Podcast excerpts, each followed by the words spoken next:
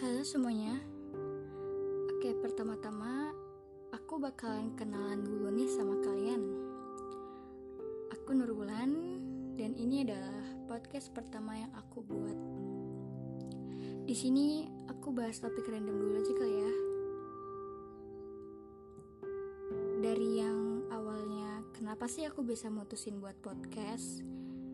Karena aku cuma ingin berbagi cerita dan pengalaman aja sama kalian semua yang mendengarkan ini. Justru aku gak sampai mikir gimana caranya podcast aku didengar dan disukain banyak orang.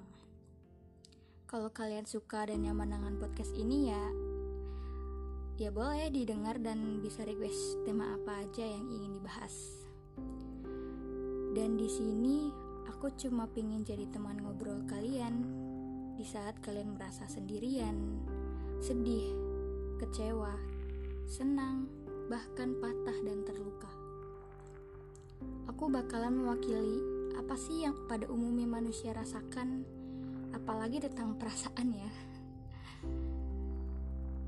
Oh ya, dengar podcast ini cukup ambil earphone kalian, berbaring di atas kasur, dan memejamkan mata kalian bila ingin meresapi secara nyata.